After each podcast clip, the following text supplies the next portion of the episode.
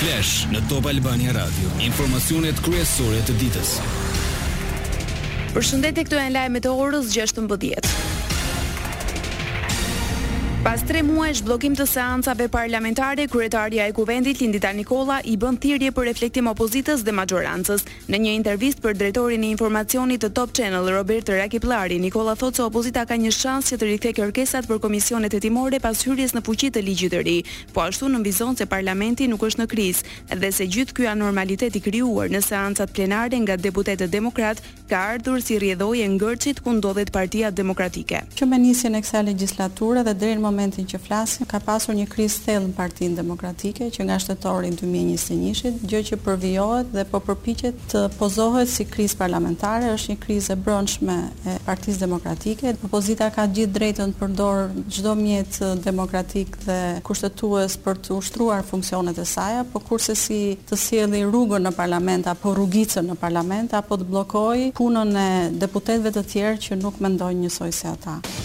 Nuk besoj që jemi në një krizë institucionale, por gjithsesi është një moment ku për secilin prej nesh kërkon qetësi, durim, maturi për kapërcyer, por mbi të gjitha kërkon guxim nga opozita për të tejkaluar veten apo interesat e një personi dhe për të ardhur në lartësinë e pritshmërive të popullit opozitar që i ka votuar për të qenë në parlament, për të folur për ligjet, për të folur për hallet e shqetësimet e qytetarëve.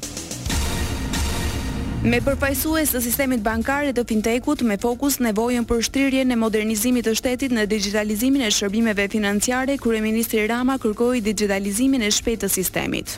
Ligji e ka të shkruar e zeza mbi të bardhë që në janar të këtij viti duhet të ishte zbatuar nga të gjitha bankat e nivelit të dytë aplikimi i protokolleve të Open Banking.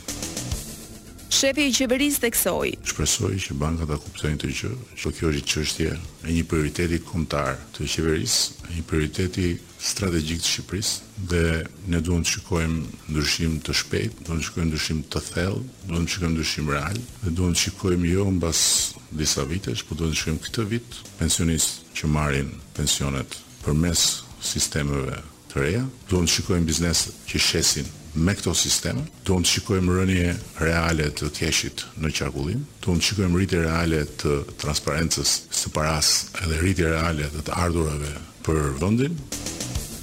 Dëgjuat kryeministrin Rama. Instati reagon pas sulmit kibernetik ndaj sistemeve informatike të këtij institucioni dhe siguron se të dhënat e Censit nuk janë objekt. Në një njoftim zyrtar thekson se ato janë të ruajtura në sisteme të tjera të dedikuara vetëm për këtë qëllim. Institucioni thotë se menjëherë ndërpreu lidhjet e internetit dhe aktivizoi protokollet e emergjencës për të siguruar mbrojtjen e të dhënave e të informacioneve statistikore. Instati thotë se po bashkëpunon ngushtë me autoritetet për të hetuar e identifikuar burimin dhe motivet e sulmit kibernetik, gjithashtu për të rikthyer funksionimin normal të sistemeve informatike e për të forcuar masat e sigurisë kibernetike. Faqja e Institutit të Statistikave ra pre e hakerave iranianë Homeland Justice. Top Albania Radio.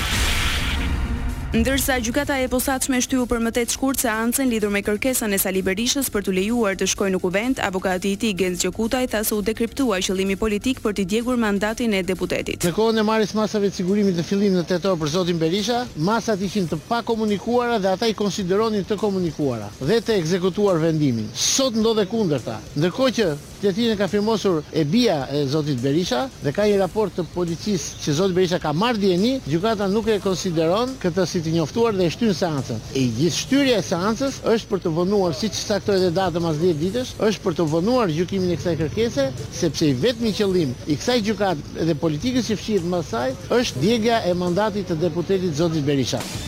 Të shikojmë se ç'marifet tjetër do të nxjerrë gjykata. Për të katërtën herë avokatët e Berishës kërkuan përjashtimin e gjyqtares Irena Gjoka. Kjo gjykatë sot mori dhe kërkesën për përjashtim të gjyqtares Irena Gjoka. Është kërkesa e katërt që bëhet për përjashtimin e saj. Ajo nuk dëgjon. Sot ishte një qëndrim jo me dy standarde, por i shtatëfishtë. Ne do të vazhdojmë betejën. Nën hetim për korrupsion pasiv në çështjen e privatizimit të klubit sportiv Partizani, Berisha është nën arrest shtëpie. Më nëntëmbëdhjetë mars, më nëntëmbëdhjetë janar, SPAK-u refuzoi kërkesën për të shkuar në Parlament. Në Elbasan e Cërrik sekuestrohen pasuri me vlerë pesëqind e pesëdhjetë mijë euro dhe që dyshohet se e kanë burimin nga veprimtaritë kriminale të dy shtetasve të dënuar në Itali e Belgjikë për veprën penale Trafikimi dhe shfrytëzimi për prostitucion. Sipas njoftimit të Policisë së Qarkut Elbasan, në kuadër të planit të masave sundimi i ligjit, U finalizua operacioni i koduar Real Estate. Lajmet në internet në adresën www.topalbaniaradio.com.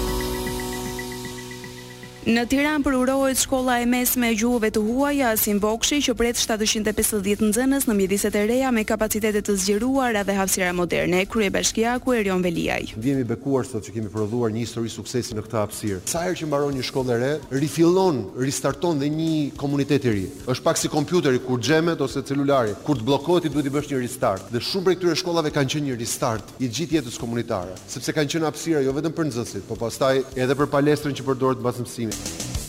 Veliaj dha edhe një mesazh. Nëse një vend mobilizohet, nëse një qeveri, një bashki, një skuadër, sistemi ynë arsimor, e ndan mendjen që ne do ecim përpara, ja ku jemi sot. E filluam të fundit procesin e integrimit, sot jemi numër një. Ne mund ta bëjmë këtë vend të duket si mesjetë, siç ka ndodhur në historitë tona të vështira të nëntëdhjetë e shtatës, nëntëdhjetë e tetës, ne mund ta bëjmë këtë vend të jetë hapësira më europiane, E Ballkanit dhe e kemi vetë në dorë.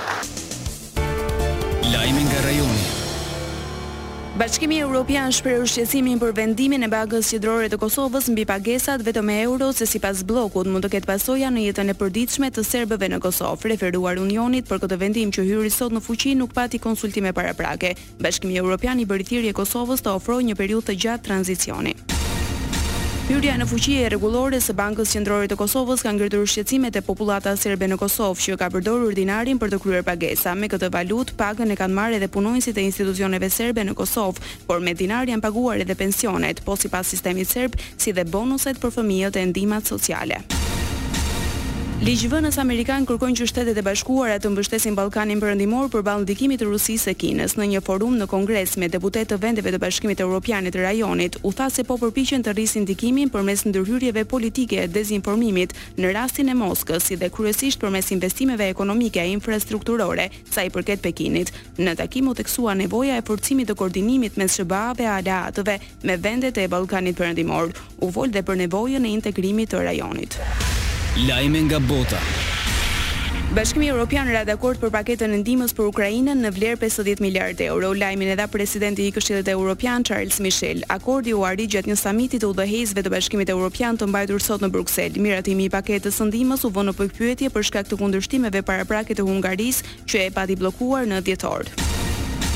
Të paktën një mijë traktorë bllokuan disa rrugë në Bruksel, ku liderët e Bashkimit Europian janë mbledhur në një takim të jashtëzakonshëm. Fermerë nga e gjithë Europa protestojnë kundër politikës së përbashkët bujqësore dhe marrëveshjes së gjelbër. Ata bllokuan sheshin para Parlamentit Europian dhe dogjën drurë e goma. Pati shumë shpërthime fishekzjarresh, protestat e fermerëve vazhdojnë edhe në Francë. Shtetet e Bashkuara goditën rreth dhjetë dronë pa pilot në Jemen që po përgatiteshin për të sulmuar objektiva. Kështu bëri të ditur një zyrtar amerikan mbrëmë vonë. Sulmi i ushtrisë amerikane vjen ndërsa përshkallëzimi i tensioneve të luftës në Gaza po përhapet në rajonin e Lindjes së Mesme. Shtetet e Bashkuara po ndjekin një politikë aktive lidhur me krijimin e një shteti të pavarur palestinez që ofron garanci sigurie për Izraelin dhe po bashkëpunon me partnerë në rajon lidhur me të gjitha alternativat. Kjo u theksua nga zëdhënësi i Departamentit të Shtetit, Matthew Miller. Departamentit të Shtetit, kryediplomati Blinken i kërkoi të zhvillojë një analizë e të ofrojë alternativa lidhur me politikat mbi një njohje të mundshme amerikane dhe ndërkombëtare të një shteti palestinez pas luftës në Gaza, Krijimin e një shteti palestinez, Uashingtoni e ka lidhur me përpjekje që Arabia Saudite t'i normalizojë marrëdhëniet me Izraelin.